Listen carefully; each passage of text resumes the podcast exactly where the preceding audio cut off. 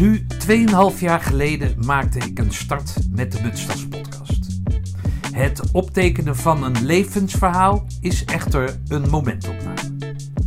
Ruim 100 podcasts verder ben ik benieuwd hoe het sommige geïnterviewden is vergaan. De eerste drie gepubliceerde afleveringen zijn met zoveel enthousiasme ontvangen dat ik er nog twee afleveringen aan doe. In deze vierde aflevering doet commando-kapitein buitendienst Ray Klaasens verslag van hoe het hem na zijn Mutstas podcast is. Privé, zakelijk en als tv-personaliteit. Commando Sergeant 1 buitendienst Rembrandt Joosten vertelt over het waarmaken van de in zijn podcast genoemde ambities. Als laatste doet dienstplichtig commando Willem Bakhuis-Rozenboom ons uit de doekjes hoe je het, de zaakjes, jonge vaderschap mogelijk kan combineren met door het bos lopen in Afrika. Wie kent hem niet? De man die de Nederlandse commando een gezicht wist te geven.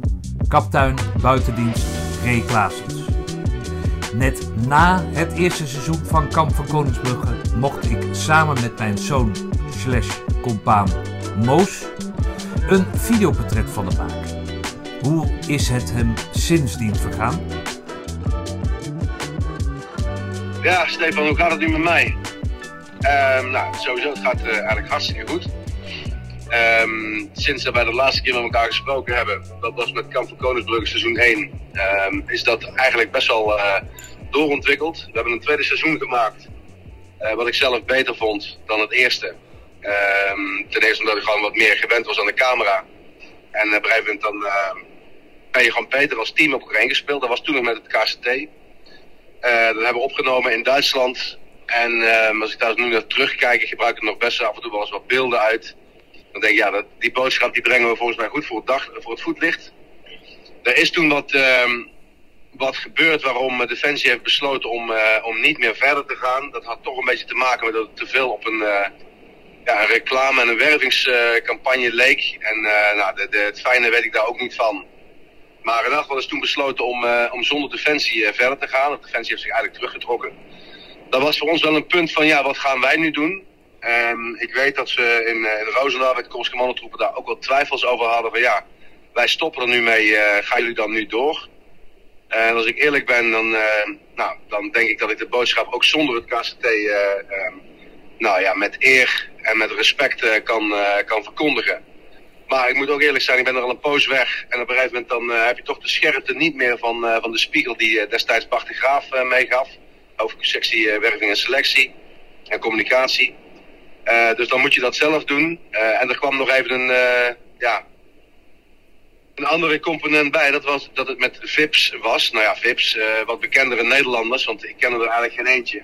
En dat, dat deed toch ook wel wat, wat mensen twijfelen van, ja, moeten we dit nou doen? Maar voor mij zijn het gewoon mensen die, die je in een hele moeilijke situatie brengt en dat je dan hun gedrag mag spiegelen. En het is mij opgevallen dat juist deze lui gewend zijn om zichzelf gewoon wat beter uit te drukken. Als je gewoon gaat kijken met alle respect naar een gewone burger, neem bijvoorbeeld Jaring, de, de boer uit, uit Friesland. Als je dan vraagt van nou, hoe voel je je nu na een fysiek en mentaal zware klus, dan zegt hij ja, ik ben, kapot.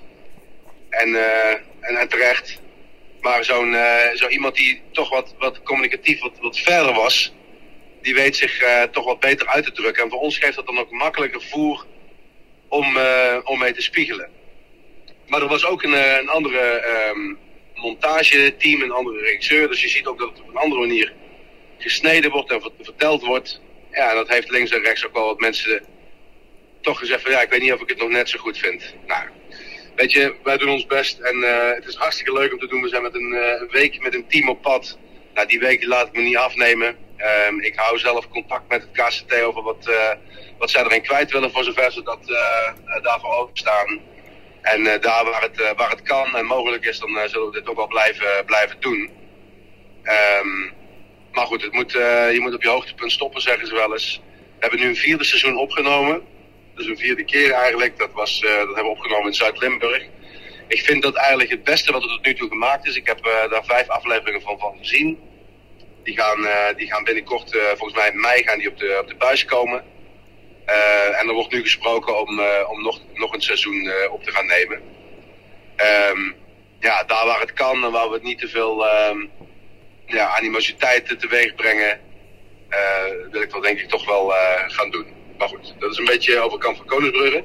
In de slipstream daarvan ja, ontstaan er vragen over mensen die deze boodschap eigenlijk um, qua stijl en qua uh, nou ja, behoeften die, die organisaties of personen in Nederland hebben. Zeggen van, hey, kunnen wij daar niet een graantje van meepikken? Kun je ons niet wat vertellen over leiderschap, samenwerken, werk onder druk, veerkracht in mensen of in organisaties? En dat, uh, dat begon eigenlijk al na seizoen 1. We hebben daar een beetje over getwijfeld van, ja, moeten wij nou echt iets met leiderschapstrainingen gaan doen? Want die, die markt is al zo verzadigd. En uh, ik denk ook helemaal niet dat wij er de beste in zijn. Maar op een of andere manier wordt de stijl goed gepruimd.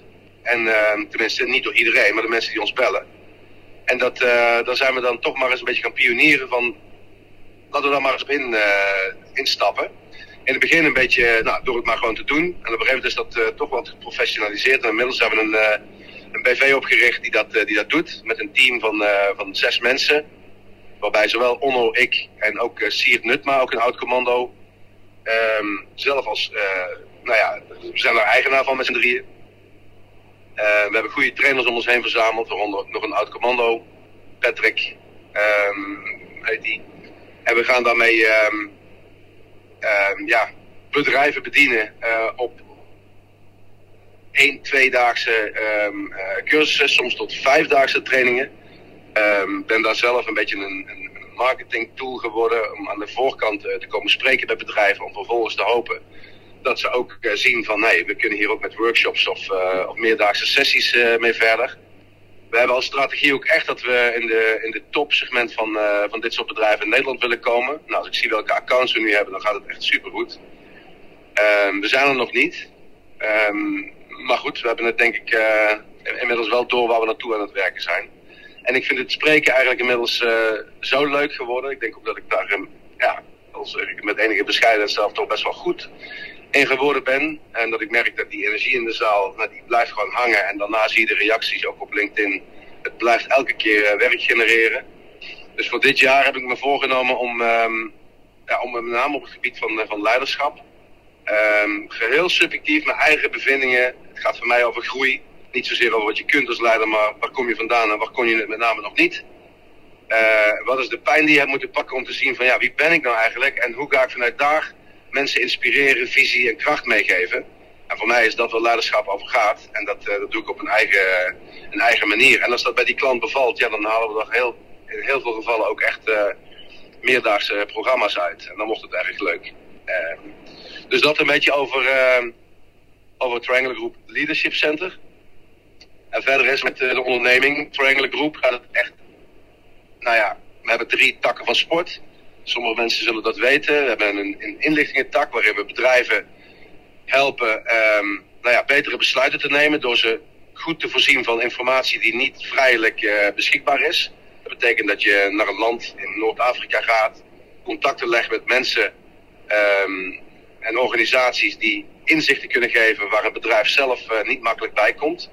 Nou, die inzichten die zorgen gewoon dat je een raad van bestuur of een uh, managementteam um, nou ja, betere informatie verschaft, waardoor het besluit uh, beter wordt en de risico's dus kleiner. Nou, dat, uh, dat is altijd best wel een moeilijk businessmodel uh, gebleven, omdat het vaak projectwerk is.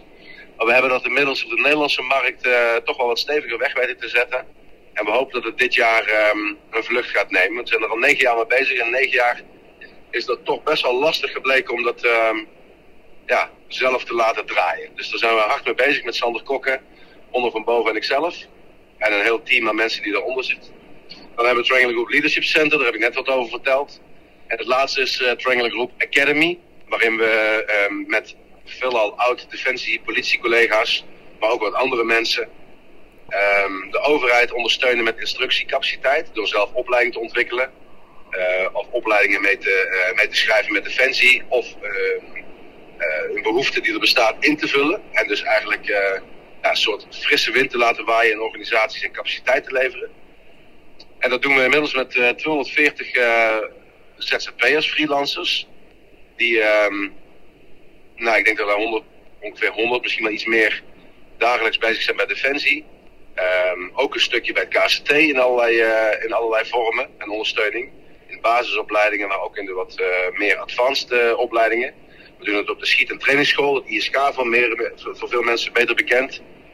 Ehm, we leveren op de KMS-instructiecapaciteit, we doen bij het C. Uh, wat, wat, bij de mariniers doen we best veel. Um, nou, ik doe nu heel veel uh, accounts tekort, maar um, daar hebben we ongeveer 100 mensen aan de bak. En bij justitie leveren we eigenlijk alle opleidingen aan de DJI, het Opleidingsinstituut van Defensie, of sorry, Dienst Justitiële Inrichtingen. Al het gevangenispersoneel, van de Raad van Bestuur tot aan de man met uh, de wapenstok in de cel. Uh, en voor heel Zuid-Nederland. Dus dat, zijn, is een heel groot contingent aan mensen. Ja, we hebben dit jaar het beste jaar gedraaid uh, ooit. En ik denk dat we daar een, een concept hebben wat, ja, als ik het helemaal plat zou drukken, waar het om gaat, is dat we ehm, de mensen die bij ons werken ook een stukje identiteit meegeven. Dus gewoon met elkaar Nederland weerbaarder maken. En we stoppen er veel tijd en energie in om te zorgen dat iedereen ook heel tevreden is en, ja, en, en, gelukkig als ze bij ons werken. En we hebben bijna geen verloop. En dat is in een markt die, uh, die vol staat van een krapte en, en, en, dat iedereen overal maar naartoe springt, is dat volgens mij best een prestatie. Ja, en dat, dat is volgens mij ook de kern van uh, hoe Triangle Groep in elkaar steekt. Proberen op basis van wie we zijn onze producten te leveren. Dus met authenticiteit en kwaliteit. Dat is een beetje professioneel wat er gaande is. Nou hebben we natuurlijk een stichting, Mom Family Foundation. Daar heeft Onno ook uh, echt nog uitgebreid over gesproken bij jou in de podcast. Die stichting die, um, nou ja, die, die, we zijn het bestuur wat gewisseld. Uh, we hebben een nieuwe penningmeester, Jack Harte, ook oud-commando. Die, die pakt dat op. Sven de Bruin is nog steeds voorzitter en Mark van Rielen um, is de secretaris. Maar goed, er zit een heel team aan vrijwilligers omheen. Erik Wegenwijs, um, Leo Rooijakkers, voor velen wel bekend. Aart van Vught, door velen bekend. Nou, Marjolein van Loenen is echt een vaste kracht. We zijn een deelnemster van uh, Kamp van Koningsbrugge geweest. Een ongelooflijk uh, nou, betrouwbare en hardwerkende, vrolijke uh, meid. Die ja, eigenlijk die hele tent draait, als ik eerlijk ben. En ehm, ja, dan zijn er nog wat... Ewout Sloof, die draagt ons echt een warm hart toe. Doet heel veel mee in de, in de stichting, ook een oud-commando. En Onno en ik zijn op de achtergrond zelf uh, nou ook aardig druk met iedere keer dingetjes die er gebeuren. Ja, en het blijft altijd een beetje in de stilte van wat gebeurt er dan. En, dus, uh, we, doen veel aan fondsenwerving. Er wordt veel door, uh, door vrijwilligers opgetuigd aan activiteiten. Of het dan gaat over sambal maken, kaas maken, whiskies die, die verkocht worden. Nou, het zijn allemaal mensen die in, de, in het netwerk zitten en een steentje bijdragen. Er worden fondsenwervingen gedaan. Er is een bokstoernooi georganiseerd afgelopen jaar. Nou ja, ik doe ongetwijfeld weer van alles aan iedereen tekort. Maar uh, er wordt veel gedaan om het geld binnen te sprokkelen en dat gaat hartstikke goed. En de mensen die we ermee helpen, ja, dat, uh, dat blijft natuurlijk allemaal een beetje in de schaduw. Dat gaat dus een goede en steeds betere samenspraak met, met het KCT. Um, we hebben veel contact met Ron Konings, de, de plaatselijke korpscommandant. We hebben laatst ook nog een benefiet activiteit voor, uh, voor geholpen, waarbij een groot bedrijf een, uh, een riant bedrag heeft betaald. En nou, dat komt natuurlijk allemaal te goede aan de doelgroep. Ja, daar gebeurt veel. Dus OPZ weet ons ook beter te vinden, worden goed geïnformeerd. En het wordt ook steeds professioneler, dus we houden elkaar scherp. Het is vaak soms zelfs een beetje, ja, hoe zeg je dat? Dat we af en toe zelfs zoveel vrijwilligers krijgen, kan het niet wel betekenen dat we het soms vervelend vinden dat we nee moeten zeggen. Want uh, ja, er zijn al zoveel vrijwilligers. En in één keer kunnen we iemand bellen die toevallig in uh, Tietz woont. En uh, we hebben daar een geval waar iemand even langs moet gaan om eens te kijken van hoe het gaat. Of we de post mee open moeten maken of dat er geholpen kan worden. En dan in één keer is die vrijwilliger heel erg, heel erg welkom en daar zijn we er dankbaar voor. Dus zo ja, proberen we het maar een beetje te regelen met elkaar. Ja, zo gaat het dus uh, met mij. In het privévlak is er ook een boel veranderd. Uh, nou goed, dat uh, hou ik dan maar even bij mezelf. Maar het gaat goed, Stefan. Goh, nou Ray. kwartier, dat is alles. Dat is alles. ja, dat is alles. Ik kan het nog verdiepen links en rechts, maar ik denk dat dit over het algemeen is wat de mensen die ons, mij, de organisatie een beetje kennen, daar ook van weten. En dan is dat misschien wel aardig om dat, om dat mee te krijgen. Oké. hey, luister eens. dat al die activiteiten, hè, die hier zo uit je, uit je mouw schudt kan je de boel nog wel in evenwicht houden, persoon, op het persoonlijke vlak dan? Ja, steeds beter. Uh, ik moet zeggen dat het bij mij sowieso altijd de uitdaging is geweest. Privé, balans, werk. Dus uh, in die zin, uh, dat, dat, die wedstrijd die heb ik nog niet gespeeld. ik moet zeggen dat ik het werk eigenlijk nooit heb gezien als werk, maar ik doe van de dingen die ik graag doe. Ik moet alleen bewaken dat ik nou, ook vrienden, kinderen, familie, gezin, partner heb. En ja, die hoeven niet altijd de sluitpost van de rekening te zijn. soms moeten ze gewoon op één staan, of misschien wel altijd, zullen veel zeggen. Maar ik vind dat niet makkelijk om die balans te, te bewaken. Um, ja, er wordt wel eens tegen me gezegd vanuit privékringen van ben je niet te veel bezig met de dingen die je zelf leuk vindt. Ja, dat weet ik niet. Ik doe gewoon ook wat ik denk dat ik moet doen. En, uh, maar goed, dat is een wedstrijd die... Uh, ja, daar, daar zit ik eigenlijk altijd middenin. Dus dat is iets wat in top of mind is en blijft. Maar als ik gewoon mezelf focus op datgene wat binnen de onderneming gebeurt, of binnen de stichting gebeurt, dan gaat dat steeds beter. Ik heb echt ook gezegd, ik, uh, na vijf jaar stop ik met het penningmeesterschap. Wie wil het overnemen? Nou, Jack die heeft gezegd, ik kan dat. Nou, die kan het niet alleen, die kan het veel beter dan ik. Uh, en ik blijf toch wel bezig met, um, nou ja, de zichtbaarheid die dan toevallig aan mijn kont hangt. om die, die in te zetten, om daar te kijken hoe we daar, nou ja, meer fondsen mee kunnen krijgen door bijvoorbeeld te gaan spreken en daar uh, geld voor te vragen en dat weer te gaan storten. Dus ik blijf wel betrokken. Maar um, het is toch net wat anders als je niet verantwoordelijk bent voor die financiën, maar uh, daar gewoon aan bijdraagt. Dus dat, ja, daar heb ik een keuze in gemaakt. En in de onderneming, we hebben um, twee directeuren, Marlin van Hal en uh, um, Sander Kokken. En eigenlijk Siert Nutma, die, die de motor is binnen het Leadership Center. Ja, ik ben niet een type die uh, controle wil houden op hoe gaat het en helemaal niet. Ik laat het vrij makkelijk los. We hebben op gezette tijden overleg over welke kant gaan we op, hoe staan we ervoor en doen we nog steeds de goede dingen en doen we de dingen goed. Ja, dan vind ik ook dat ik er wel van moet vinden samen met Onno. Maar die mensen hebben echt de vrijheid om eigen ideeën kwijt te kunnen en te doen zoals zij willen dat het moet. En ja, eerlijk is braaf. Ik denk dat ze dat ook beter kunnen dan, dan in dan ik weet niet of ze beter kunnen dan Onno, maar ja, ik, ik, zie dat mijn kracht nu ergens anders ligt. En dat is toch een beetje om de risico's te bewaken. De tent is aardig gegroeid. Er gaat veel uh, omzet in om. Uh, dus ook heel veel kosten. En ik denk dat ik eerder op uh, ja, voor zo'n strategische financiën moet zitten. En ja, de grote lijnen, dat klinkt altijd een beetje gezapig, maar daar komt het wel op neer. En verder is dat als ik nu spreek met trainers of met klanten, dan wil ik er gewoon zijn om te zien van vinden ze het leuk hebben ze het goed naar de zin? En uh, zijn er dingen die, een, uh, die de directeur zelf niet ziet? Of daar te veel zelf in zit, waar ik zelf uh, iets op kan merken of een thermometer in kan stoppen en op basis daarvan besluiten kan nemen. Dus het geeft ook veel vrijheid. Dus ik denk dat we het, en hun boodschap, die die directeuren dus eigenlijk nu ja, uitstralen waar ze aan werken met hun eigen managementteams. Ja, dat is de onze, dat merken we gewoon. Dus ik denk dat we dat dan goed doen. Het is een soort van ja, het zaadje is geplant en uh, we kunnen nu meer vanuit de achterhoede um, ja, ook een beetje genieten als ik eerlijk ben. Ja, maar ik, ik, doe, ik doe eigenlijk meer, sorry dat ik je onderbreek, maar ik doe eigenlijk meer op dat jij in je podcast hebt laten vallen. Hè, dat je toen in dienst was hè, en dat daar toch op privévlak uh, dingen kapot zijn gegaan. Hè, omdat je altijd klaar moest staan voor de baas en ook altijd klaar stond. Nu heb je dat zelf in de hand. Hè, en, en, en kan je dat op een bepaalde manier regelen. Dat, dat geef je ook aan. Maar ja, je wil er toch altijd bij zijn. Dat moet, dat moet, dat moet, dat moet wrijven, toch? Ja, ja, ja, je weet hoe dat gaat als je bij de, bij de baas werkt. Oh, oh, ik heb ook een bij de, in gewerkt.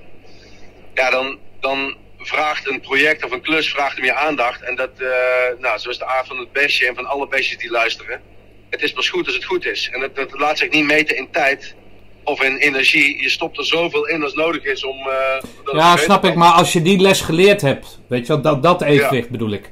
En dat geef je aan dat je dat doet. maar dat lijkt me moeilijk als je zo in elkaar zit jij. Eh, die, die les heb ik niet geleerd. En ik, uh, ja, ik heb nou, twee belangrijke vrouw in mijn leven, de moeder van mijn kinderen en mijn laatste relatie. Het is niet gelukt om dat bij elkaar te houden. En dit is denk ik ook een onderdeel van. Dat ik toch kies. Ja, misschien toch te weinig oog heb voor wat er dan ook gebeurt op privévlak. Dus kijk, in dit werk ben ik zelf, ik ben zelf baas. Ik kan zeggen, ik doe het niet. Of ik laat dit gaan. En dat doe ik ook uh, regelmatig. Ik doe regelmatig zeggen, nee, deze sla ik over, dat doe ik niet. Maar toch ja, is het gewoon een belangrijk uh, onderdeel van mijn leven. En moet ik die balans beter bewaken. Zo begon ik net ook. Ja, ik denk dat ik daar... Uh, ik ben er wel bewust van.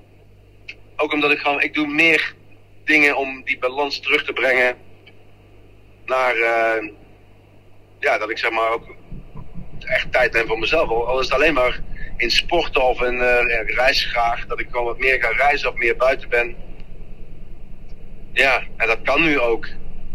En dat gaat. Uh, ja, ik weet niet of dat het antwoord is op je vraag, Stefan, maar ik vind het gewoon moeilijk om dat uh, te blijven. Nou, nou ja, het, je, bent, uh, je bent ondernemer en, en je kan dat zelf naar je hand zetten. En ik, heb liever, ik zie liever een ondernemer die het met, met, met hartstocht doet dan een ondernemer die, die, die, zich laat beperken door, door nou ja, wat andere mensen vinden, toch? Maar ja, dat, dat, dat, ja, nou, dat blijft voor iedereen Zeker. En het is daar, nou, wat ik zeg, ik doe wat ik, wat ik vind dat nodig is. En als ik, dat maakt niet uit wanneer of wat, al, al kost dat 100 uur in de week, zo voelt dat ook nooit. Het voelt niet dat ik zoveel werk in de week, maar als er iemand belt met een probleem, maakt niet uit welk tijdstip, dan ben ik daarvoor. Uh, als ik vind dat een klant uh, aandacht moet hebben, of een, een, een, werknemer aandacht moet hebben, of onno aandacht moet hebben, dan, uh, dan ben ik daarvoor. En dat manage ik dan in de rest van mijn leven. En dan doet het er niet zo toe. Maar dat geldt ook de andere kant. Als mijn kinderen vinden dat ze aandacht nodig hebben, of er is een probleem, dan kan er op werk gebeuren wat er gebeurt, dan ga ik daar naartoe. Dus het is een soort van ja, voelen wat nodig is. Hm. En, en dat in goede banen leiden. En ondernemen, ja, je weet het zelf, je bent niet aan het werk, je, je bent dit. Ja. Dus dat is nooit uit je systeem. Je, dat, dat, ja. Nou, leuk man. Eigenlijk is het heel fijn.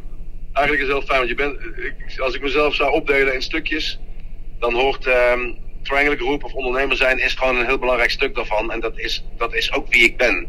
Net zo goed als ik heel graag sport of oud commando ben, of uh, je wat wil betekenen voor de gemeenschap, of ja, dat ben ik ook. Alleen soms uh, als mensen veel vragen, dan, dan is soms ook eens een keer nee. Ik vind ook veel van trouwens moeilijk. Ja. hey, laatste vraag. Wat, uh, wat, hoe heb je de reunie beleefd? Ja, ja een beetje dubbel eigenlijk wel. Ik, uh, ik vond het heel erg leuk. Ehm, het was even de eerste keer natuurlijk niet op de kazerne. En ik vond de sfeer daar, en ook van wat ik van mensen gehoord heb, heel goed. Het was gewoon goed bezocht nou ja, veel oude bekenden en echt dat reuniegevoel uh, met tot s'avonds laat in de stad. Hartstikke gezellig. Het is ook zo dat ik door dat tv-programma nou ja, veel herkend word. Logisch, er zijn veel jongens die dat gezien hebben. En daarmee uh, zo vaak aangeschoten werd dat ik eigenlijk nauwelijks toekwam aan mijn eigen lichting en jongens met wie ik gediend heb. Dus dat was dan wel een beetje een, dat was een beetje jammer. Maar goed, het, ik vond het echt super, super leuk. En ik kijk alweer uit naar de volgende ja, het nog even, maar het vond prachtig. Wat vond jij ervan? Ja, ik vond de, ik vond de locatie helemaal perfect. Ik vond de, de, de geborgenheid die dat stadion gaf.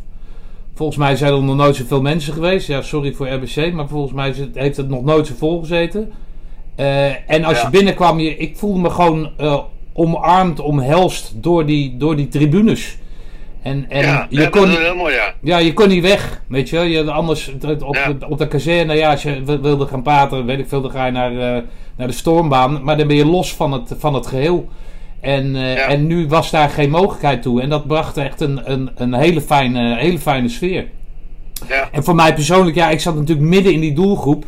In mijn doelgroep. En ik had die trui aan van jullie, weet je, met uh, Stefan Mutstas ja. erop. Ja. Ja, ik weet nou een heel klein beetje uh, hoe jij je voelt. Weet je wel, ik werd om de havenklap aange, aangehouden van, oh, ben jij dat? En, uh, ja, en, super. en dan, dan krijg je ja, het, wat, het was heel mooi dat de avond daarvoor had ik de mutsdas, of de mutsdas, de podcast met Hum van Woudenberg, Mummy had ik gepost. Ja, ja. En, uh, en er waren al vijf of zes mensen die die al geluisterd hadden. Weet je wel? Ja. En, en ja, dat, dat gaf mij een heel, eh, heel warm gevoel. En echt dat, dat mensen dat dus waarderen. Dus voor mij was die eh, Ja. reunie super geslaagd. Super geslaagd. Ja, mooi. Ja, hartstikke mooi. En wat ik ook leuk vind, we, stonden met, met jouw dochter was dat toch, op de foto onder en ik. Ja, En die foto die heb jij volgens mij in jouw eh mutsdagstelefoon nu als, eh, tenminste, die had je een post staan, toch? ja. Dat is, ja, heel grappig. Ja, dat was leuk. Ik vond het ook leuk. Nou, oké Ray. Ehm, hou het roer recht. We spreken elkaar. En, eh, en dank. Als ik ergens wat kan doen, dan eh, hoor ik het graag. Oké man. Goed. eh Top, Stefan. hoi. Jojo. Hoi. Hoi, hoi.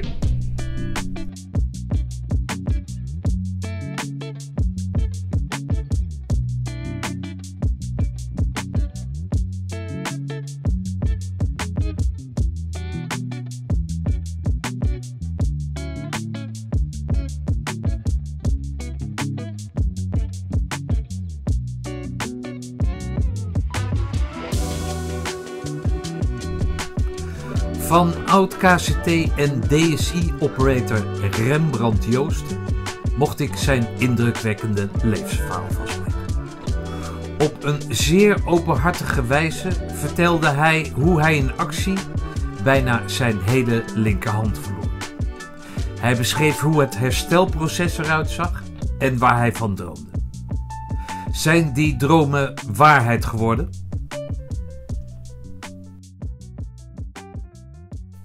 Nu met mij? Ik zal wat vertellen over eh, hoe mij eh, de laatste maanden dan na de podcast eh, met jou, Stefan, mezelf, hoe dat gegaan is. Eigenlijk ten eerste heel, heel veel leuke reacties op het verhaal wat wij gehad hebben. Ze vonden het allemaal heel erg lang. Maar ze konden het toch allemaal niet nalaten om het in één keer af te luisteren. Dus ondanks de lengte die we hadden, was het blijkbaar toch interessant genoeg om het in één keer helemaal eh, af te luisteren. En ik heb, moet eerlijk zeggen dat ik ook wel met, ehm, hoe moet je dat zeggen, met, met trots en met, met, met een goed gevoel die podcast ook zelf terug heb geluisterd. Het is ook wel grappig om jezelf dan je eigen verhaal te horen vertellen. Dat was voor mij nieuw. Was ook voor mij de eerste podcast. En, nee, eh, daarvoor had je die, eh, die hoe heet dat, die, die barbecue podcast gedaan, ja, toch? dat klopt. Een hele kleine, korte podcast eh, over inderdaad de mannendingen. Maar ik wil zeggen, de eerste podcast echt waar... eh, en niet, ik wil niks te van die andere podcast, maar wel met diepgang. En eh, nou ja, best wel confronterende vragen. En wat, wat, wat dingen uit, uit, uit vroeger en natuurlijk dat, weet je, op die manier. Ja. En uit die podcast zijn ook nog wel wat andere leuke podcasts eh, uitgekomen. Zo was ik uitgenodigd bij, eh bij Scherpschutters, bij Bijzondere Ontdekkingen. En in januari staat er nog eentje gepland bij Six Stars Leadership. Allemaal eh, leuke podcasts. En uiteindelijk is het verhaal wel steeds ongeveer hetzelfde. Want het verhaal verandert natuurlijk niet. Het ongeluk blijft hetzelfde. Ja. Alleen de dingen om te vertellen wat je ermee kan, dat, of wat ik ermee ga doen, of dat is toch wel bij elke podcast dan wel weer net even anders. Dus het blijft, ondanks dat de rode draad een beetje hetzelfde is, blijft het toch leuk om eh, die verhalen te delen. En eh, bij elke podcast hangt weer een nieuw netwerk. En dat is leuk om dat ook op die manier dan weer te ontdekken. Nou, het lijkt mij leuk om, om eh, hoe heet dat? Om te zien dat, ja, dat verhaal dat verandert natuurlijk niet. Het zou gek zijn als je in één keer een ander verhaal hebt. Ja, dan zou ze die Rembrandt die moet niet hebben, dat is gek. Maar ehm, eh, het lijkt me fijn om, om dan zeg maar met de ervaring die je nu hebt qua spreken, dan waar we zo dan uh, zo dadelijk op terechtkomen, of uh, waar je het over gaat hebben, Ja. om dat dan uh, elk, om daar een, een ontwikkeling in te zien. Hè, en uh, elke keer bij, bij, als je bij een andere podcast zit, om dan die ervaringen met te delen, zeg maar. Hè, wat je daar hebt meegemaakt, hoe, je, Ja. hun, hoe jouw verleden, hoe jouw, jouw passie en weet ik wat te pas komt in hetgeen wat je aan andere mensen aan het overdragen bent. Dat lijkt me mooi. Ja, dat, is het ook. Je kan, ik sta natuurlijk ook niet stil en ook met Smoke ben ik doorgegaan. En het is mooi dat, je als je verhaal kan vertellen uh, vanuit, vanuit je eigen verleden, maar dat dat niet een verhaal is van steeds dezelfde ervaring van zes of zeven jaar terug, maar dat je gedurende de, avonturen die je hebt en ook zeker die uh, Elf City subtour die ik uh, gedaan heb afgelopen september, er zijn toch weer nieuwe dingen of nieuwe ervaringen die ik daar opgedaan heb, die ik wel weer kan toepassen in mijn verhaal, omdat ze op, op momenten hebben gebracht dat ik toch ook die mentale kracht weer nodig had. Dat ik terug kon grijpen aan naar de ECO. Maar dat ik ook terug kon grijpen naar van hé, hey, ik heb uh, in de keukens gelegen, ik ben gerevalideerd. Dus dat moment dat ik nu op die sub sta en dat last van mijn rug heb, ja, dat is nou helemaal zo. Dat mag je heel even aandacht geven, maar je moet wel door. Ja. En zo, zo komen die ervaringen, slepen wel steeds met je mee. Maar ze zijn niet steeds heel oud. Ze zijn best wel recent ook. En dat vind ik mooi. Om, dan uh, op die manier um, uh, je verhaal te vertellen, maar steeds met nieuwe anekdotes te komen, maar wel met dezelfde boodschap. En dat is een beetje wat, wat, wat er nu uh, gebeurt, omdat ik volgend jaar september, of dit jaar september eigenlijk moet ik zeggen, ga ik die 11 City Subtour nog een keer doen. Maar dan in een andere variant. Dat, gaat nu, dat wordt een non-stop variant. Oké. Dus we deden hem afgelopen jaar in vijf etappes. En dan, ik wil hem nu uh, doen in, in één keer. Dus een non-stop. Uh, jij, jij vertelde in jouw podcast dat je dat, dat aangevat hebt. Hè, die Elfstede City Subtour, weet ik veel hoe dat heet. Ja. Uh, om, om de mensen die om jou heen hebben mogen staan of kunnen staan of willen staan tijdens jouw revalidatie, om die te bedanken op een nou, vrij ludieke, ludieke manier. Als ik op die manier bedankt zou worden, ik weet niet 1, 2, 3 of ik daar nou altijd op in zou gaan, maar goed dat. Maar, en die, die City Subtour voor de, voor de mensen die nou, ik zeg dat eigenlijk bijna elke uh, herinneringspodcast, om het zo maar te zeggen. Maar luister even de podcast van Rembrandt. Waarin hij dus vertelt dat hij dat aanstaande had. Hè, dat is de Elfstedentocht op een sub. En wat het dan in vijf dagen, zoals je net vertelde. Maar wat het dan moeilijker maakte. Maar dat is nou eenmaal hetgeen wat jou is overkomen waar je mee moet zien te leven. Is dat jij het dus met anderhalve hand moest doen. Kan je daar eens wat over vertellen? En dan vooral eigenlijk over dat dat bedanken. Dat dat ook daaruit kwam of zo? Uh, nou ja dat, ja, dat bedanken, het, klinkt natuurlijk als bedanken, zo heb ik dat inderdaad ook genoemd. Het was meer ook met de achterliggende gedachte van hé, hey, uh, ik heb tijdens mijn evaluatieperiode heel hard voor mezelf gevochten om erbij te blijven. En die andere jongens hebben dat ook op hun manier gedaan voor mij. Alleen ik had het idee dat we, uh, wat we vroeger dan wel gedaan dat we gezamenlijk dingen deden. Dus ik wilde eigenlijk met hun een nieuw avontuur aan, wat we samen doen, waar we samen dan een beetje het ECO-gevoel, maar dan gewoon nu met vrienden. En, uh, en ik vond dit eigenlijk wel een hele uh, spannende uitdaging, omdat het voor mij nieuw was, maar ook voor hun. Um, en laten we dat dan samen doen. En, en mijn bedankt naar hun was van dat ik ze kosteloos mee zou nemen. Dat ja. was dan de voorwaarde. Nou, daar gingen ze eigenlijk zonder twijfel allemaal uh, uh, mee in. En, en ja, in die vijf dagen ontstaat er dan wel een beetje wat je gehoopt had. Natuurlijk waren we al vrienden en kennen elkaar uh, toch wat door en door. Alleen je gaat nu elkaar toch weer op een, uh, niet zozeer op een andere manier, maar wel uh, elkaar ontdekken in een andere tak van sport. Die we nog niet eerder zo intensief gedaan hadden als we dat in die vijf dagen en die trainingsperiode ervoor gedaan hadden. En gedurende die, da gedurende die dagen, ook omdat het weer steeds slechter werd, ontstaat er dan toch wel wat moois. En dan is die broederschap die, we, die er al was, die wordt eigenlijk nog hechter. want er was veel wind en ze moesten mij af en toe uit de wind houden. Uh, omdat ik alles maar aan één kant peddel. Ja. Als we dan zijwind hebben, ja, dan is het lekker als er iemand een beetje schuin voor je vaart. Dat hij een klein beetje de wind opvangt. En zo bleven we echt als team bleven we die, die, die, die etappes um, varen.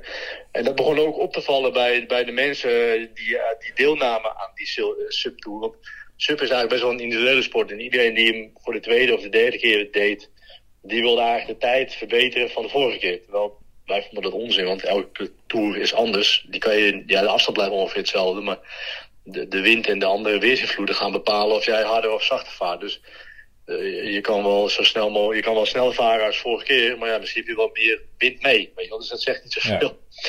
over je prestatie. Maar ze vonden het bijzonder dat wij dat bij, met elkaar deden. Oké. Okay. En, en daardoor eigenlijk, door, dat, door, door, door, door die vriendengroep en door het teamwork wat we daar deden, werd het ook wel, werd het wel een beetje... Uh, uh, hoe noem je dat? Um, de, um, nou, maar de attractie van, van die tour. Dus mensen vonden het interessant. Dus kwamen er achter bomen deden. En ze hadden af en toe zagen ze mij voorbij komen.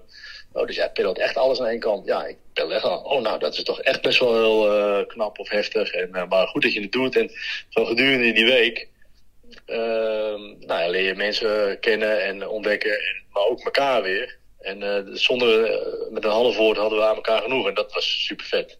Oké. En, en ook zeker richting die finish. Je wel, de, laatste, de ene laatste dag. voorbij de helft. Toen hadden we zoiets van, hey, wat er nu nog gaat gebeuren, hoe hard het gaat waaien, hoe hard het gaat regenen, deze vijf dagen, die gaan we volmaken. Dus onze euforie, die hadden we eigenlijk al anderhalve dag voor de echte finish, hadden we die toch stiekem al wel een beetje gevierd. En ehm, nou ja, was, en, en ook de finish was mooi. Uh, met elkaar, niet eerst de finish over en dan bij elkaar komen. Nee, allemaal op elkaar wachten en samen op, op linie over de finish. we hebben het echt met z'n allen uh, beleefd. Ik was wel de initiator, maar het ging niet alleen maar om mij, die, nee. die vijf dagen. Het ging, het ging om ons. Ja. En dat is er echt heel mooi uitgekomen. En als je dan uh, de blikken zijn best wel mooie foto's gemaakt en wat filmpjes. En als je dan die blikken van ons ziet, hoe, je na, hoe we naar elkaar kijken. En ook wel een traantje wegpinken van, nou, dit hebben we toch gewoon weer gefixt. Ja. Uh, waar we vooraf allemaal wel iets hadden van, nou ja, die 220 kilometer, dat, dat is echt wel een afstand, hè. Ja. dat is echt wel een afstand. Maar we zijn het toch gaan doen en dat was het ook wel het mooie van die uitdaging, dat je natuurlijk dingen aangaat.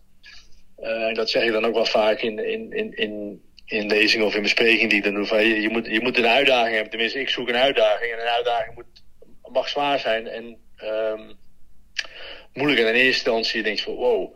Maar als je ergens realistisch is en je kan hem realistisch maken en hij zou voor 90% zou die haalbaar moeten zijn, dan moet je hem gewoon gaan doen. Ja.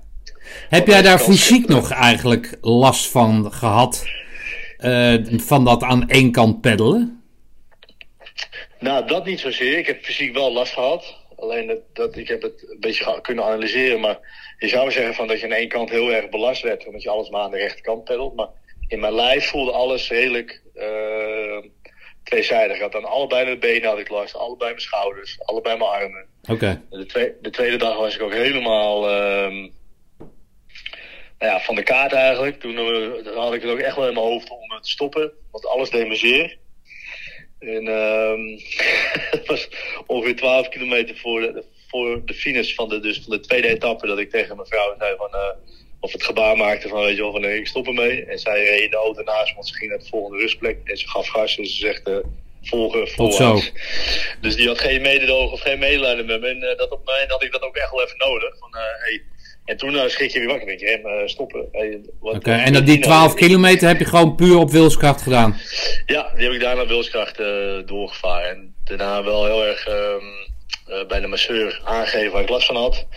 En wat hij aangaf, omdat ik best wel grote littekens heb op mijn benen, is dat die lymfeklieren je afvalstoffen niet zo goed afvoeren. Oké. Okay. Dus mijn benen liepen eigenlijk vol met uh, onverwerkte afvalstoffen. En uh, hij begon daardoor mijn uh, lymfeklieren mijn liefde te masseren. Dat is zeg maar de blokkade die je dan hebt. Je staat ook wel een beetje gebogen op zo'n sub. En ik had in het voortraject, wonderbaarlijk genoeg, eigenlijk alweer te veel gedaan. Weet je wel, die laatste week. Want iedereen wilde toch nog even een rondje. Voor het gevoel. En ik ben met iedereen, iedereen mee geweest. Dus ja, je bent toch gastheer dus. in mijn benen voordat ik aan die tour überhaupt begon. Oké. Okay. Maar na die, uh, ma na die masseur en nadat we wisten waar het probleem lag, uh, vloeide dat weer weg. Die andere vier dagen, of die andere drie dagen, uh, ik wil niet zeggen dat het makkelijk was, maar heb ik eigenlijk hartstikke goed gevaren. En het mooie was dat hoe, hoe slechter het weer werd, hoe meer wij in onze kracht kwamen. Want we hadden rekening mee gehouden dat het, dat het slecht weer zou worden. En er zitten dan mensen om je heen die dat vaak gedaan hebben, beginnen te zeuren dat hun sub te smal is of dat de wind te hard is. En wij op zich onsterker voelden. Ja, dat geeft dan een machtig gevoel natuurlijk. En dan, ja. dan ram je die uh, laatste etappes ram je er ook gewoon wel even lekker uit. Dus, Mooi man. Nee, al met al uh, was, was het een, een, heftige ervaring, maar su zeker een super mooie ervaring. En um, nou ja, het bleef toch een beetje kriebelen. Ik wil niet zeggen dat ik, dat ik meteen verslaafd ben geraakt aan het suppen, maar ik denk, ja, zo'n subtour non-stop. Dat zie ik dan ook wel ik zeg, als een uitdaging en hij is, naar mijn idee, zou, dit, zou het te doen moeten zijn. Ik moet het natuurlijk nog wel even negen maanden kaart trainen. Alleen het lijkt me super vet om die ook te voltooien met de handicap die ik heb. Oké, okay, maar nou zag ik dat jij dus een, een toepassing hebt gekregen of hebt laten ontwikkelen of wat dan ook. Kun je daar eens wat over vertellen?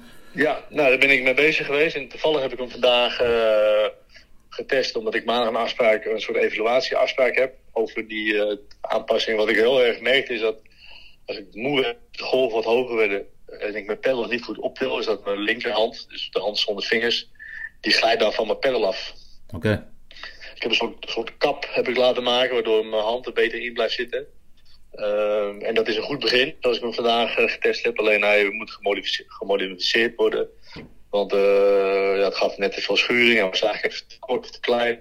maar het is een goede start en daar gaan we, gaan we mee verder. Waardoor ik sneller, als ik eraf glijd, terug op mijn pedal kan komen. En eigenlijk met een soort beugel ehm, de, de momenten dat ik van mijn pedal af zou kunnen glijden, dat al eerder opvang. Dat is het idee eh, eh, erachter. Hey, en ga je dat alleen doen of ga je dat met anderen doen ook weer? Ik heb het wel gevraagd wie er met me mee wilde, maar eh, ik heb nog weinig medestanders. Oké. Dus vooralsnog eh, ga ik hem alleen peddelen. Alleen ze hebben wel allemaal aangegeven, we hebben dat weekend, dat is 19 september, zijn we er natuurlijk wel bij. Dus ze zullen me wel eh mijn broodje aangeven of drinken of bij de fiets staan.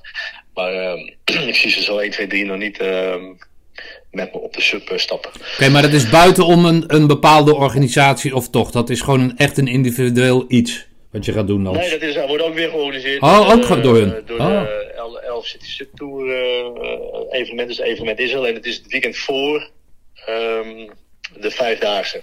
Oké. Dus het is dezelfde organisatie. Ehm, en ja, die vonden het heel mooi dat er waren, ik was niet de enige die een beperking had. Er waren meer mensen die eraan begonnen zijn. Of er zijn meer mensen die daar meegedaan hebben met een beperking. Dus ze vinden dat ook best wel interessant. Ze wilden er niet al te veel eh, aandacht aan schenken. Het is gewoon, hey, goed dat je er bent. Doe, doe je ding. En eh, mooi dat je ons evenement daarvoor gebruikt.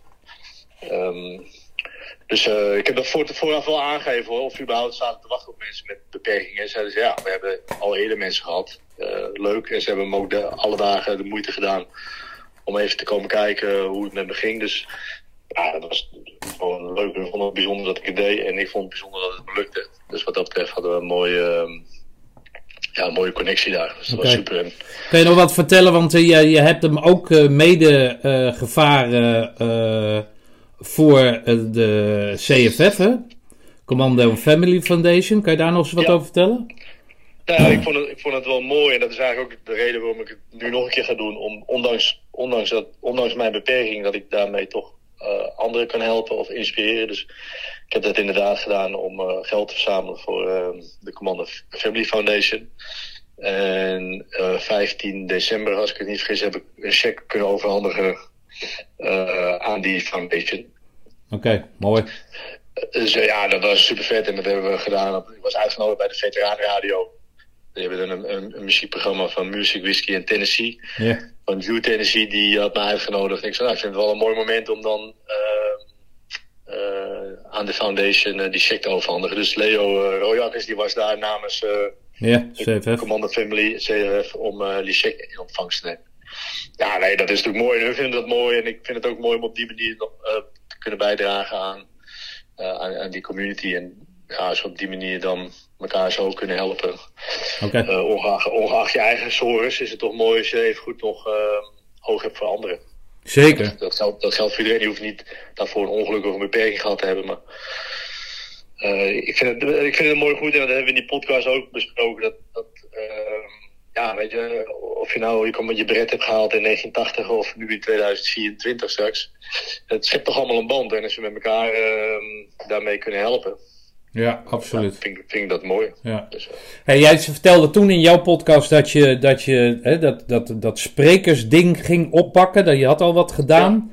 Ehm, hoe, hoe, is dat, hoe is dat verlopen? Ik heb je, ik heb je vaak zien opduiken in de, op de socials. Ehm, Ja. Vertel daar eens wat over. Nou, ik, eh, toevallig, eh, ik weet even niet precies meer waar allemaal. Maar ik heb er wel een aantal mogen doen. Ook onder andere eentje voor de SFC, hè? Stichting Ja. Foundation. eh, waar jij, eh, of waar jullie eh, mee bezig zijn. Ja. mocht ik, werd ik uitgenodigd voor een ondernemingsdag in Roosendaal. En het mooie daarin is dat, eh, dat, ik mijn, dat ik met wie ik ben en wat ik gedaan heb en mijn verhaal, ehm, wat ik zei, andere mensen kan inspireren daar geld mee op te halen en dat kan doneren aan, aan dan de Commando Stichting. Dat, dat vind ik mooi goed, omdat die, die, die tradities die moeten in eer eh, gehouden worden. Zolang er de commando bestaan, moeten ook die dingen gefinancierd blijven worden. Dus ja, en, en, vanuit daaruit, eh, waren, die hebben het toch wel een beetje een, een, een bereid. Dus ik werd gebeld eh, door een oud collega die eh, had een bedrijf, die had een eh teambuilding. Die zei, jouw verhaal vinden we leuk om, ehm, om eens te laten vertellen. Maar niet alleen jouw verhaal zelf, maar kan je ook wat vertellen over hoe, dan, hoe die teams werken binnen de Special Forces. Dus op die manier heb ik, ben ik wel bij wat mensen al geweest. En, en, en scholen die eh, hadden me gebeld van hey, we beginnen die, die VEVA-klasse we beginnen volgend jaar weer met een nieuwe klas. We zouden het leuk vinden als jouw verhaal een soort start is. Van uh, hoe, je met, hoe je om kan gaan met, met mentale weerstand en allemaal dat soort dingen. Dus ja, dat begint nu wel een beetje uh, nou ja, los te komen, wil ik niet zeggen. Maar zo her en der popt er wel eens een vraag op. En LinkedIn is dat ook een heel mooi medium voor om dingen te posten en te vragen. En, dus ja, dat loopt ook. Hey, en en hoe, hoe voel je je daarin dan? Als je dan voor zo'n. want in Roosendaal was, ik ben daar nog nooit, nooit geweest, maar was een, de, de Schouwburg. Hè, daar zaten 250 ja. man uh, zitten daar dan. Je zat dan wel in de, in de setting. Vol. En dat was er niet echt een voordracht vanuit mij, maar ik werd daar geïnterviewd. Ja, precies. Dus, en, uh, dus dat, dat, is dan natuurlijk lekker makkelijk, omdat je dan antwoord kan geven op de vragen die de interviewer stelt. Uh, maar ik vond het wel heel leuk om, om, om daar, daarbij te zijn en een bijdrage te leveren aan, aan, zo'n dag. En, uh, maar je zat daar samen met Maarten van der Weijden, zat je daar op het, ja. op het podium? Nou, ik zat niet samen met hem op het podium. Hij had dan zijn, zijn verhaal vertelde hij. Oh, oké. Okay. ja, apart. Ik zat met, apart van elkaar. Ik zat daar met iemand van uh, Brabant Sport. Ja. Um, en hij, Maart van der Weijden deed dan zijn verhaal voor de... Uh, ja, wat hij doet, hij, hij verzamelt natuurlijk geld in voor uh, allerlei onderzoeken naar, naar kanker. Ja. Maar het, het, thema, en dat, dat, dat paste wel bij, allemaal bij elkaar. Ik moest ook wel, vond ik wel grappig dat hij er was, omdat hij natuurlijk die Elfstedentocht uh, gezwommen heeft. Ah ja, tuurlijk ja. En hij gaat hem aankomend jaar uh, fietsen, zwemmen en uh, lopen. Nou, dus die, die, die, die connectie die hadden we dan met elkaar. Dat was wel even grappig. Um, ja, bij anderen, ja, ik vind, ik vind dat wel mooi. En wat ik zeg, ik, ik vertel daar uh, niet hoe andere mensen zich moeten gaan gedragen. Of ik ga geen schema's vertellen over wat mentale kracht is. Of ik vertel gewoon mijn verhaal, hoe ik dingen gedaan heb. Met anekdotes. En uh, misschien een tip en een tool hoe andere mensen dat zouden kunnen doen. Ja. Dus ik blijf heel dicht bij mezelf. En ja, dat, dat is mooi. En, en, en soms als ik een anekdote vertel, dan, dan schiet, schiet de broek in mijn keel. En dat raakt mensen. Ja. En dat is niet dat ik dan expres een broek in mijn keel probeer te krijgen om mensen te raken. Nee, dat is dan echt het puur. Dat gebeurt op dat moment. Ja, ja en, en dat is het mooie daar, omdat het dan elk, elk, elk, elke keer, ondanks dat het verhaal dan ongeveer hetzelfde is. Tenminste, het verhaal is hetzelfde, maar je uitleg is ongeveer hetzelfde. Um, uh, ja, dat, dat vind ik dan mooi. En als er dan uh, een aantal van die mensen in de lobby naar je toe komen. Een mooi verhaal. En ik loop hier al een tijdje mee. En ik, nu dat jij dat zo verteld hebt, ga ik er echt wat mee doen. Ja, als ik er maar een paar mensen die streep kan overbrengen van wel doen of niet doen. En ze gaan het dan wel doen.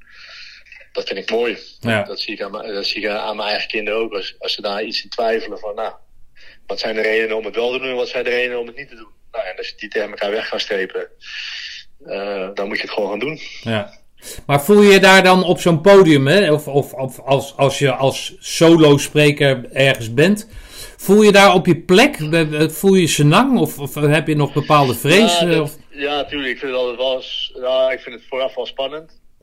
Natuurlijk, omdat je het niet zo goed weet. Uh, en hoe groter de mensen wordt, hoe moeilijker dat gaat worden, denk ik. Uh, ik ben wel iemand die altijd een beetje connecties met degene tegen wie je praat. Want daar kan je een beetje aan meten. Dus ja. Als ze een beetje lachen of als ze echt geïnteresseerd naar je kijken, dan weet je dat je op de goede weg zit. Terwijl als ze allemaal wegkijken, dan weet je ook dat je misschien een ander verhaal moet gaan vertellen. Dus als je natuurlijk in zo'n grote schouwburg staat met een groot licht op je gezicht, dan zie je dat publiek ook niet. Nou ja, is, dat en, schijnt een uh, voordeel te zijn, hè? Ja, wat zei je? Dat schijnt een voordeel te zijn. Dat heb ik wel eens gelezen of gehoord of van toneelspelers bijvoorbeeld. Nou ja, aan de ene kant wel. Ik denk als je toneel speelt, omdat je dan gewoon in, lekker in je eigen bubbel zit. Ja. Uh, maar in mijn geval uh, vond ik het dat toch ook wel lastig. Uh, omdat je wel schaaf wil zien die je stelt wat dat teweeg brengt. Ja, of het aankomt of niet. Of het aankomt of niet. Kijk, Ja. uh, ik denk een cabaretier die, nou, niet ten nadele van een cabaretier, maar die heeft natuurlijk een, een oeuvre, dat, dat wil hij tentoonspreiden. Ja, En als het publiek lacht, ondanks dat hij ze ziet, maar ze lachen, dan weet hij, oké. ja dan hoort hij het. Ja, verdomd inderdaad. Dan hoor je het. Ja, maar ik zit meer te kijken van, hé, hey, als ik nu wat vertel en mensen gaan dan onderling even praten, ze stoten elkaar van, hé, hey, dat is wel iets voor ons. Of uh, weet je, dan denk je van, oh ja, wacht, dat komt wel, dat komt wel aan. Hm. Uh, ja, dat is, dat is fijn, weet je, anders dan ben je verhaal aan het vertellen, omdat je je verhaal wil vertellen. Maar ik wil mijn verhaal vertellen juist om, om mensen in beweging te krijgen. Ja. Dat wil ik dan wel zien. Oké. Hey, wat, wat is de, de, de, de, de, de, de, naast dat spreken, hè, waar je dus, dus, dus dingen opzoekt waar mensen naar jou toe komen, heb je ook dat smoke, hè, of dat smoke, heb je ook smoke, waarin je Ja. barbecues eh, op, een, op een, nou niet traditionele manier, maar op een hele authentieke manier eh, brengt. Hè? Klopt. Hoe gaat dat? Nou, dat is, dat is, dat is nog steeds eh blijft een uit de hand gelopen hobby. Maar het, daar, het mooie daarvan is, is dat je natuurlijk eh, uitgenodigd wordt bij allerlei reunietjes van oud-collega's. Of eh, in ieder geval degene die jou bellen zijn vaak oud-commando's of oud-mariniers. En toevallig had ik er laatst eentje. Nou, dan stond ik op een camping in eh, Oosterbeek. En die camping-eigenaar was een oud-marinier waar ik mee eh, in Afghanistan had gezeten. Oh, grappig. Eh, dus weet je wel, en dat is mooi, dat vind ik leuk ook. Want ehm, als, je, als ik dat dus niet had, dan kwam ik ook al die mensen niet meer tegen. Nee. En het is niet zozeer dat ik al die mensen heel graag tegen wil komen, maar gewoon het is wel een hele mooie bijkomstigheid. Dat, ja, even oude verhalen uit, uit de sloot halen. En ehm, je, je bent als, als, als smoker of als pitmaster daar ook meteen. Eh, je, je kent de taal van de jongens, dus je Ja. kan ook meteen meepraten. En het is, je staat ook niet raar te kijken eh, met allerlei afkortingen die ze daar dan roepen. Dus je voelt je wel meteen uit. Je wordt ook meteen opgenomen in, ook al ken je de helft niet, ook al ken je er maar twee van de, van de twintig. Ehm, je, hoort, je hoort er meteen wel meteen bij. En dat, dat is een hele mooie bijkomstigheid. En in vergelijking met als je bij een trouwerij staat waar je de mensen niet verkent en jij doet wel je dingetje en mensen komen langs en vinden het allemaal lekker, maar je hebt daar verder niet echt een connectie mee. En, ik, en dat, vind ik, dat vind ik het mooie aan, aan dan dat smoke wat ik doe, dat, dat eh, mensen echt naar mij vragen, want ze willen dat ik kom. Ja. En daarnaast eh maak ik ook nog heel erg lekker eten. Dus die combi die is gewoon hartstikke goed. Ja. Dus ik wil dat ook niet heel groot, maar hoeft voor mij ook niet groot. Want als ze mij bellen van, hey, kan je dat doen? Dan is het niet de bedoeling dat ik iemand anders daarheen stuur. Nee, ze bellen ook wel een beetje, omdat, ik daar ga, omdat Ja. ze graag willen dat ik daar kom. Dus je blijft je wel, je blijft wel beperken, beperken tussen haakjes, tot die doelgroep die, die jou het meeste aanspreekt. En andersom. Nou, ja, nou ja, toevallig, eh, omdat je natuurlijk een beetje in dat netwerk zit nu, is- dat voor 95% eh mijn, mijn klantenkring. Maar het is niet zo dat als iemand die niks met Defensie heeft of niks met mij, mij belt ik eh, meteen nee zeg. Nee, zeker niet. Maar het is nu wel zo dat ik via de socials ook wel een beetje in die hoek bekend begin te raken, waardoor ik dat soort klanten allemaal heb. Dat, zo loopt dat nou eenmaal een beetje dan. Oké. Hey, hoe, zie jij, eh, hoe zie jij de toekomst? Met al die Nou, activiteiten. nou ja, eh, waar we dit jaar mee gestart zijn, ik hoop dat ik volgend jaar daar eh, mee, mee door te kunnen gaan. Dus ja, ik blijf lekker smoken en ik blijf. Misschien dat ik zelf wel een podcast ga maken. Waren verschillende mensen die mij tipten. Van, hey, je hebt een heel mooi verhaal van wat jou is overkomen. En je hebt je barbecue. Hoe- mooi zou het zijn als je dat samenvoegt. Absoluut. En dan niet, en dan niet zozeer een podcast over barbecue, maar Ja. een podcast tijdens je barbecue. Dus Ja. wij gaan lekker samen koken. Eh, of we maken een lekker entrecote of een eh tomahawk of nou, whatever wat we maken. Maar tijdens dat voorbereiden gaan we een gesprek aan.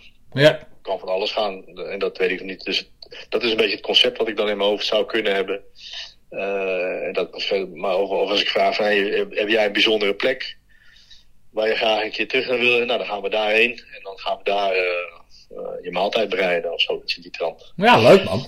Dus ja, nou ja, dus dat ben ik een beetje aan het onderzoeken. Daarnaast ehm, hebben we een, hebben een, een workshop ontwikkeld samen met de Bram Peters van Salt. Dat is een soort rolmodel. Dus aan de hand van mijn verhaal kunnen we natuurlijk heel goed vertellen van nou ja, wel- welke rollen heb, heb ik in het verleden gespeeld, welke rollen heb ik tijdens mijn revalidatie gespeeld en welke rol speel ik dan nu in mijn leven en hoe, hoe zien jullie dat?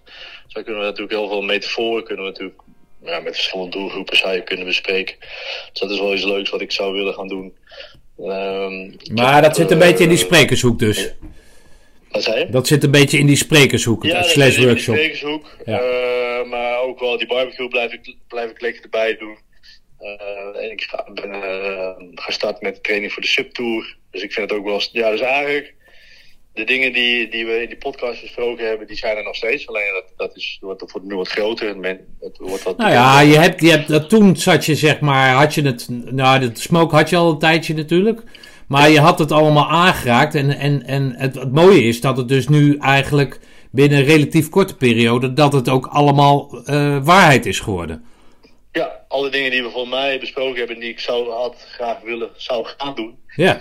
Die, eh, daar ben ik mee bezig. En het is niet zo dat ik het één keer gedaan heb en nee, dit is het. Nee, dat wil ik uh, vaker doen, meer doen. Uh, nou ja, groot. Het hoeft van mij allemaal niet, niet, niet groots, maar ik vind het wel al, al, al praat voor tien man. Weet je, het gaat mij uiteindelijk om de boodschap die ik over wil dragen. En als ik van die tien man twee of drie mensen misschien maar eentje uh, te raken, dan is het voor mij al goed. Dus ik hoef niet massaal met 1500 man daar mijn pleidooi, daar gaat het namelijk niet om. Het gaat me echt om, om, om de hulp of de steun die, die, die ik kan geven aan mensen die het nodig hebben. En dat, dat maakt het heel menselijk en heel puur. En dat, dat vind ik belangrijk. Dus dat wil ik vooral zo houden.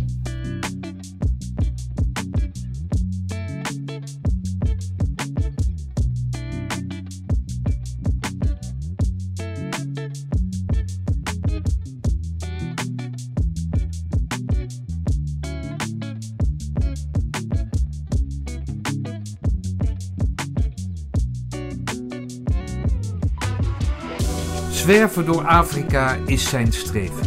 De dienstplichtige commando met de illustere achternaam heeft zijn droom door corona uiteen zien spatten. Het hoogtepunt van de pandemie betekende voor hem de bodem van de put.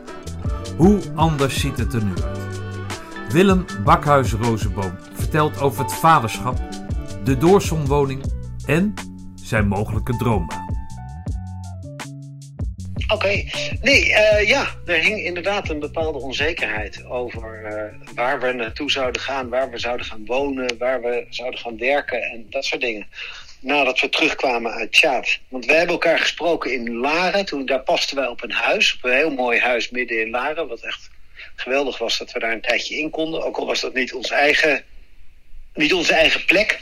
En daar moesten we toen uit en toen hebben we, iets, we hebben een tijdje op een kamer gewoond in Rotterdam. En toen uiteindelijk een huis kunnen krijgen in Rotterdam. En helemaal verbouwd. En daar hebben we een, onze zoon gekregen. Ja, verdomd en, ja. Uh, ja, nou het zegt. Ja joh.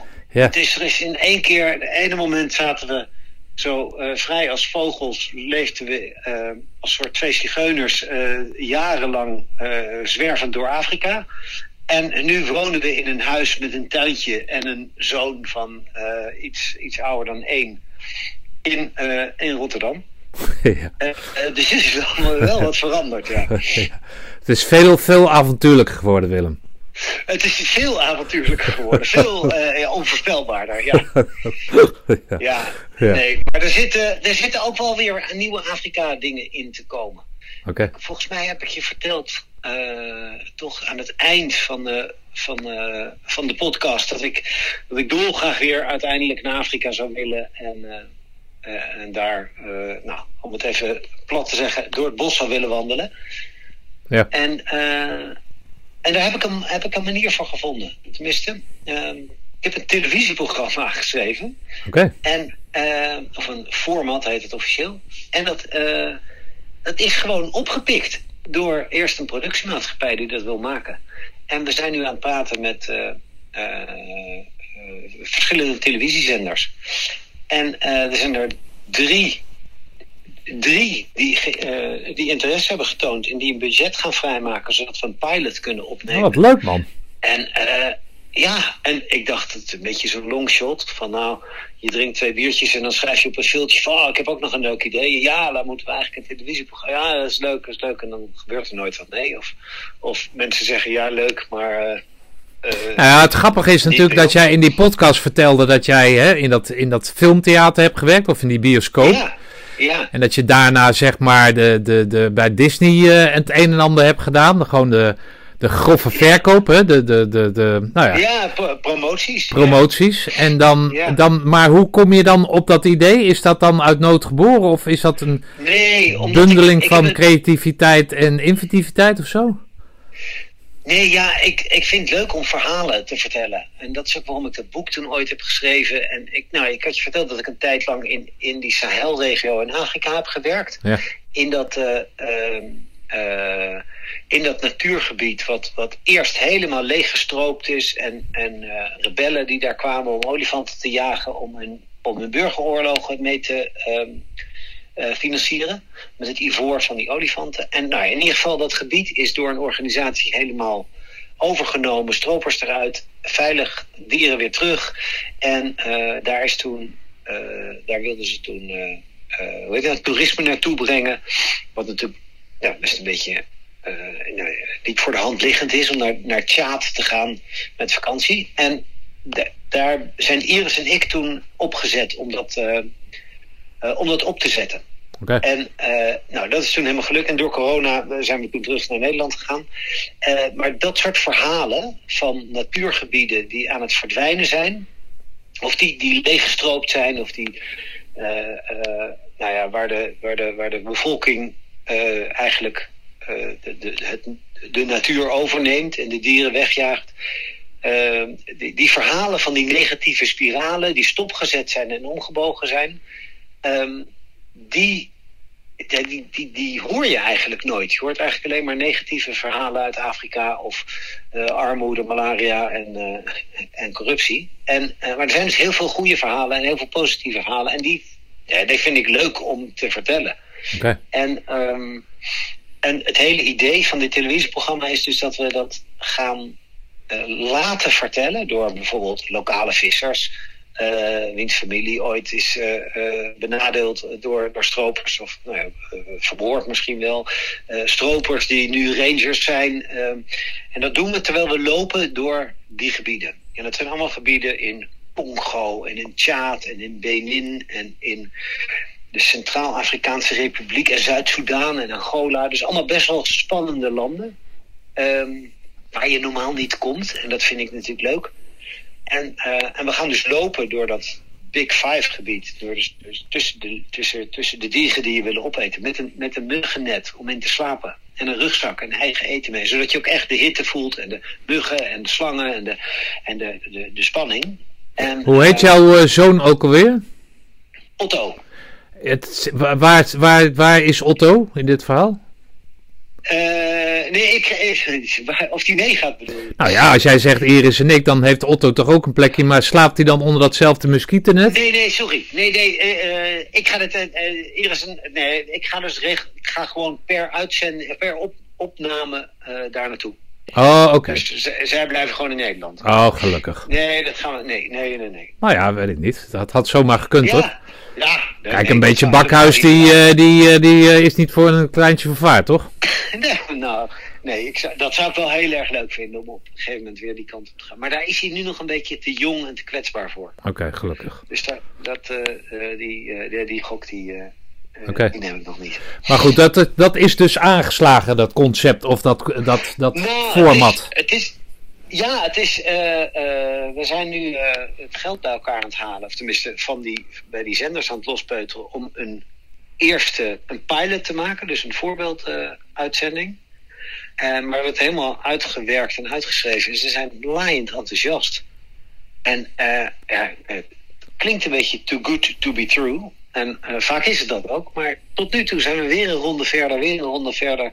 Weer een ronde verder. Dus... Um, nou ja, daar, uh, daar lijkt het gewoon echt naartoe te gaan. Nou, leuk man. Dus als je me vraagt van hoe ziet 2023 er voor je uit, dan is, uh, dan is dit wel een, ja, een belangrijk onderwerp. Nou, dan heb je de ja, dingen redelijk naar je hand kunnen zetten dan. Ja, nou ja, misschien wel. Ik weet het niet. Ik wilde zo graag weer terug. En ik was op allerlei manieren aan het verzinnen. Ik ben hier als fotograaf ben ik teruggegaan naar Kenia. Ja. Uh, om, om, om lotjes van die safari-kampen te fotograferen in ruil voor kosten en inwoning. Um, dus dat was een manier, maar dat schoot niet. Dat, dat, dat was leuk, maar dat, daar verdiende ik geen uh, brood mee verder. En dit, uh, ja, dit lijkt gewoon de goede kant op te gaan. En daar ga ik gewoon voor betaald krijgen. Ik ga gewoon betaald krijgen okay. om door het bos te mogen lopen in Afrika. Nou ja, ja. ja dat, gewoon de volgende jongensdroom staat, staat ja, in de planning. Het is toch het is een prachtig, prachtig ja. vervolg op wat je, wat je al had natuurlijk. En inderdaad wat je zegt, dat boek en, en dan... En dan ja, dat afgekapte avontuur en dan, dan corona en dan van, van zeg maar vanuit de, de, de, de wildernis naar een, een, een doorzonwoning met een zoon. ja. En, dan de, en dan een doorstart maken in zo'n programma. Ja, dat, dat doe je goed. Dat doe je goed. Ja. Hey, Ja, even over programma's. eh, over, De- ik, moet, ik moet dat, dat tuintje en, die, en, en nog net geen hond, maar dat tuintje met die schobbel erin. En eh, eh, de doorzoonwoning moet ik kunnen verantwoorden. Met, eh er moet iets, met iets, een beetje iets avontuur. spannends tegenover staan. Ja. Oké. Hey, wij eh, ontmoeten elkaar eh, eh, afgelopen jaar op, de, op de memorial van, hoe heet dat ook alweer? Ehm, In Oosterbeek. in Oosterbeek. Ja, ik was er nog nooit geweest. Ik vond het echt geweldig, weet je. Ik snap maar echt niet waarom ik daar niet eerder ben geweest. En daar zag ik jou staan met je, met, je, met je nicht. Ja, Met je nichtje. Kan je eens vertellen wat je Ja. daar deed en, eh, en wat jouw nichtje, die dezelfde achternaam draagt, maar wat Ja. jullie daar deden? ja nou, ik was er ook nooit geweest. En ehm, eh, we waren uitgenodigd om daar eens een keer bij te zijn. Eigenlijk een beetje naar aanleiding van de, eh, de, de postuum onderscheiding die is aangevraagd voor den oude August Bakkers Roosboom. En daardoor was ik in contact met, eh, ehm, eh, hoe heet het nou, met eh, hoe heet het nou, de, de comité, comité Ereschuld en met de historische collectie van het KCT. Ja. En ehm, die hadden die, die onderscheiding aangevraagd. En, en toen zeiden ze, ja, daar, eh, nou ja, in ieder geval lang verhaal kort. Toen, toen ben ik daar ook eens naartoe gegaan op de dag zelf. En, eh, eh, en dat, ja, ik vond het heel indrukwekkend. Maar wat ik dus nog, wat ik nog het meest eh, indrukwekkende vond, is dat we na afloop werden uitgenodigd door de eh, korpscommandant. Want er waren natuurlijk ook wat, wat, wat, eh, wat actieve groene baretten daar. Ja. Ja, even misschien voor de, voor de luisteraars die, jou, die jouw podcast niet geluisterd hebben. Allereerst de aanmoediging om dat wel te doen. Maar ten tweede, eh, op die eh, begraafplaats in Oosterbeek ligt jouw eh, familielid, laten we hem zo maar benoemen, want de lijnen zijn wat moeilijk te ontwaren. Maar een familielid, en dat was de eerste commando, Nederlandse commando, die omkwam. Hè, tijdens de, hoe heet dat? De, de slag om Arnhem, om het zo maar te zeggen. August Ja, Bakhuis Rozenboom. Die ligt daar en daar is het korps vertegenwoordigd bij die, bij die eh, herdenking. En heel veel Engelsen en heel veel, nou, het echt een prachtige ceremonie. En alvorens eh, de, eh, de, hoe noem je dat? De ceremonie plaatsvindt, hebben jullie toch eerst een borrel gedronken? Of is dat achteraf dan? Nee, achteraf. Oh, dat is achteraf. Die hele, was die hele herdenking. Ja. En, ehm, eh, inderdaad, wat je zegt, met heel veel Engelse, Polen, Canadezen. En dat was eh groots en, en eh, nou, indrukwekkend, vond ik. Ja, indrukwekkend. Stromende Ja. regen, kan je nog herinneren? Ja, ja, ja. En toen na afloop ehm, kwamen ze, kwam, eh, kwam er iemand van, de, van het KST naar me toe en zei: Kom, ik, zie, ik zie je jasje. Ik had mijn reuniejasje aan. Ja. En zei: Kom, we gaan. Traditioneel gaan wij altijd met de, de aanwezige commanders die er zijn, gaan we een borrel drinken. Of gaan we toosten bij het graf van eh, August Bakkers Roosboom. En eh, eh, wil je mee? Of tenminste, daar werd ik voor uitgenodigd. Nou, dat, ehm, ja, ik vond dat, eh, eh, het klinkt misschien raar, maar het, het, het, eh, ik vond dat eigenlijk nog een, nog een mooier moment dan die hele ceremonie daarvoor. Gewoon omdat het zo dicht, omdat het dichterbij kwam. Nee, natuurlijk. Nee, maar dat is niemand die jou daar, dat kwalijk neemt hoor. Maar het, Oh, oké. ik, nee, oh, helemaal niet. Maar het is juist zo mooi dat. Ik vond het zo mooi dat die verbinding eh, er was. Ja, Snap je? Je zou ook kunnen denken van ja, eh, het zal, weet je wel. Maar dat, dat, dat die verbinding er was, dat vond, dat vond, ik, dat vond ik heel mooi. Maar wat, wat deed jouw nicht en jouw nichtje daarbij? Ja die is eh Floor Bakhuis Roosboom, mijn nicht, die, eh, die is eh, ook naar aanleiding van het aanvragen van die onderscheiding. ehm, is zij eens wat meer in die familiegeschiedenis gedoken. En daar is ze een podcast over aan het maken. Eigenlijk, ja, nee, daar is een podcast over aan het maken. En daar, daarom was zij daar ook bij, om eens te kijken hoe dat... eh, zij, zij wist helemaal niet zoveel van dat hele commando-gedeelte. Nee. En, Ja, voor de eh, duidelijkheid, ja. zij, zij is journalist hè? Ja, zij is journalist, ja. oké. ja. En hoe, hoe staat het daar nou mee? Want jullie hebben toen uh, Martien van Barneveld hebben jullie gesproken. Hè? Zeg maar het, het, het lopende geweten van de slag om Arnhem, om het zo maar te zeggen. Die Ja. echt alles weet daarover. Ja, Zeker omdat eh, zijn vader ook om de slag als commando de slag om Arnhem heeft meegemaakt. Ik heb hem Ja. ook mogen interviewen, dus die heeft heel veel informatie. Hoe, hoe ver is zij nu met dat, eh, met, met dat project, om het zo maar te zeggen? Dat was een leuk verhaal trouwens, wat, dat jullie eh, die podcast van jou met eh Martien van Barneveld. Ja, die kerel weet informatief, waanzinnig veel, ja. Ja. Sorry, en eh nou ben ik je ondertussen je vraag vergeten. Nou, hoe ver Floor is met dat, met dat project? En Oh, waar ze, ja, waar ze naartoe wil, zeg maar. Ook. Nou, steeds, we zijn nu contact aan het, of zij is contact aan het zoeken met. Eh, dus die August Bakkers Roosboom, die had nog een oudere broer en een zuster, Ja. zusje. En die broer is eh, eh, twee jaar geleden overleden. Die was al over de honderd, maar die is overleden. En die, daar hadden wij veel contact mee. En daar zijn we op bezoek geweest. En dat is. nou, die heeft zijn sporen ook verdiend met het bombarderen van Duitsers. En, ehm, en even denken, maar die is overleden en dat, die, dat zusje leeft nog. En ehm, nou, er bestaan het punt om daar een, eh, maar kerst kwam ertussen, eh, om daar een, eh, daar eens mee te kletsen. Gewoon via, de, gewoon via zo- zo'n Zoom call, via de computer. Ja. Om eens aan haar te vragen hoe August was. Want niemand kent hem natuurlijk. Nee. Geen, geen enkele levende commando kent hem meer. Of heeft hem ontmoet. En wij van de familie ook niet. nee. Ehm, dus dat is natuurlijk een beetje gek. En, ehm, eh, nou, en, en hij, eh, die onderscheiding die is dus toegekend door het eh, ministerie van Defensie. En die is opgestuurd naar de korpscommandotroepen. En die gaan hem op een gepast moment uitreiken aan de familie. Ehm, eh, nou ja, dat, dus dat is allemaal aanleiding om eens wat meer. Oh, mooi man. nou, gewoon om eens wat, ja, een achtergrondverhaal. Ja, wat meer van zijn achtergrond te weten te komen. Ja. Dus Floor is dat, eh, is dat echt, die is dat aan het aanjagen en ik ga in haar kielzoog loop ik mee. Want omdat ik zeg maar de link ben naar het KCT Ja. en, ehm, en ik vind het gewoon hartstikke leuk. En zij vindt het ook leuk om, om, te, om met mij erover te sparren. Dus dan bellen we af en toe en dat neemt ze dan ook op en dat zal ze dan ook verwerken in die, in die podcast. Van nou heb je, ik heb nu die gesproken en oh, oh wat leuk. En oh, ik heb nu die gesproken. Ja. Dan wordt het een soort verhalend gebeuren. ja, mooi hoor. Ja, dat is een mooi project. Ja, en zeker leuk, als je beide de, Ja. dezelfde achternaam draagt als, als het. Als het, eh, ja, als het onderwerp, om het zo maar te zeggen. Dat maakt het natuurlijk. En dan die, die, eh, dat postuum onderscheiden, dat, dat, dat is ook mooi inderdaad. Hè? Dus het, het wordt wel een Ja. rond cirkeltje qua verhaal.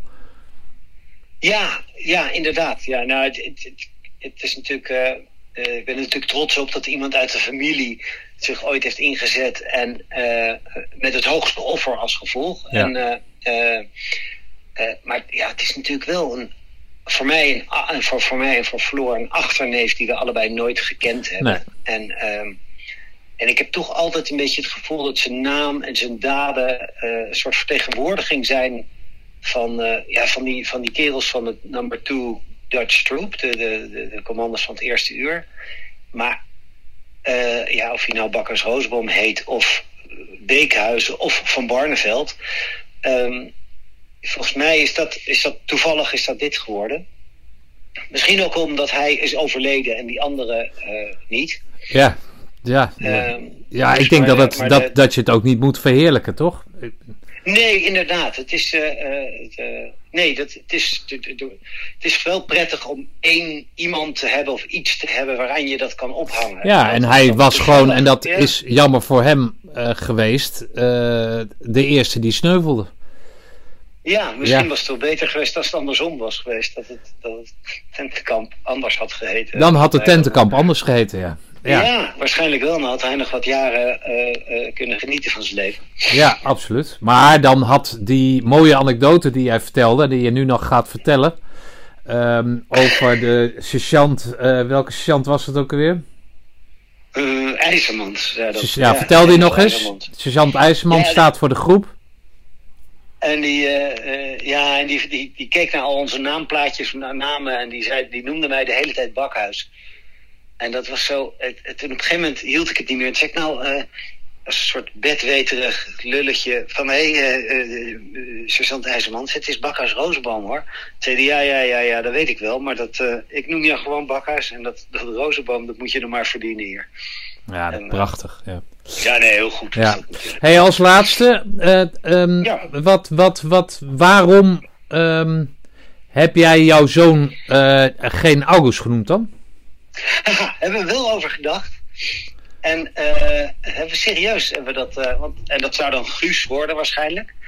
Uh, Aug oh, August, gaat, ja, ja oké. Okay. Ja. ja, en dat, maar dan zou die officieel August pakken. Dat hebben we inderdaad over gehad. Vond Iris ook echt een leuke naam. En, uh, maar ik denk dat die, die extra druk op zijn schouders, wanneer hij zich over een jaar of twintig gaat aanmelden in Roosendaal, dat, uh, dat wil ik hem niet aandoen. Okay. Hij zal het al zwaar genoeg krijgen met zijn achternaam. Ja. Okay. Uh, dus nee, um, dus dat. Uh, nee, dus dat. dat uh, dus daar maar Otto. Nee, ja, dit is. Uh, we hadden dit in gedachten. Oké. Okay. We hadden Otto in gedachten, ja. Nou, dat was hem dan weer. Luister binnenkort naar aflevering 5 en ontdek hoe het nu gaat met dienstplichtig commando-sergeant en Australiëganger Tom van der Linden Commando Sergeant 1 Dai Carter en dienstplichtig commando Paul Borst, mede-organisator van de reunie Lichting 82.5.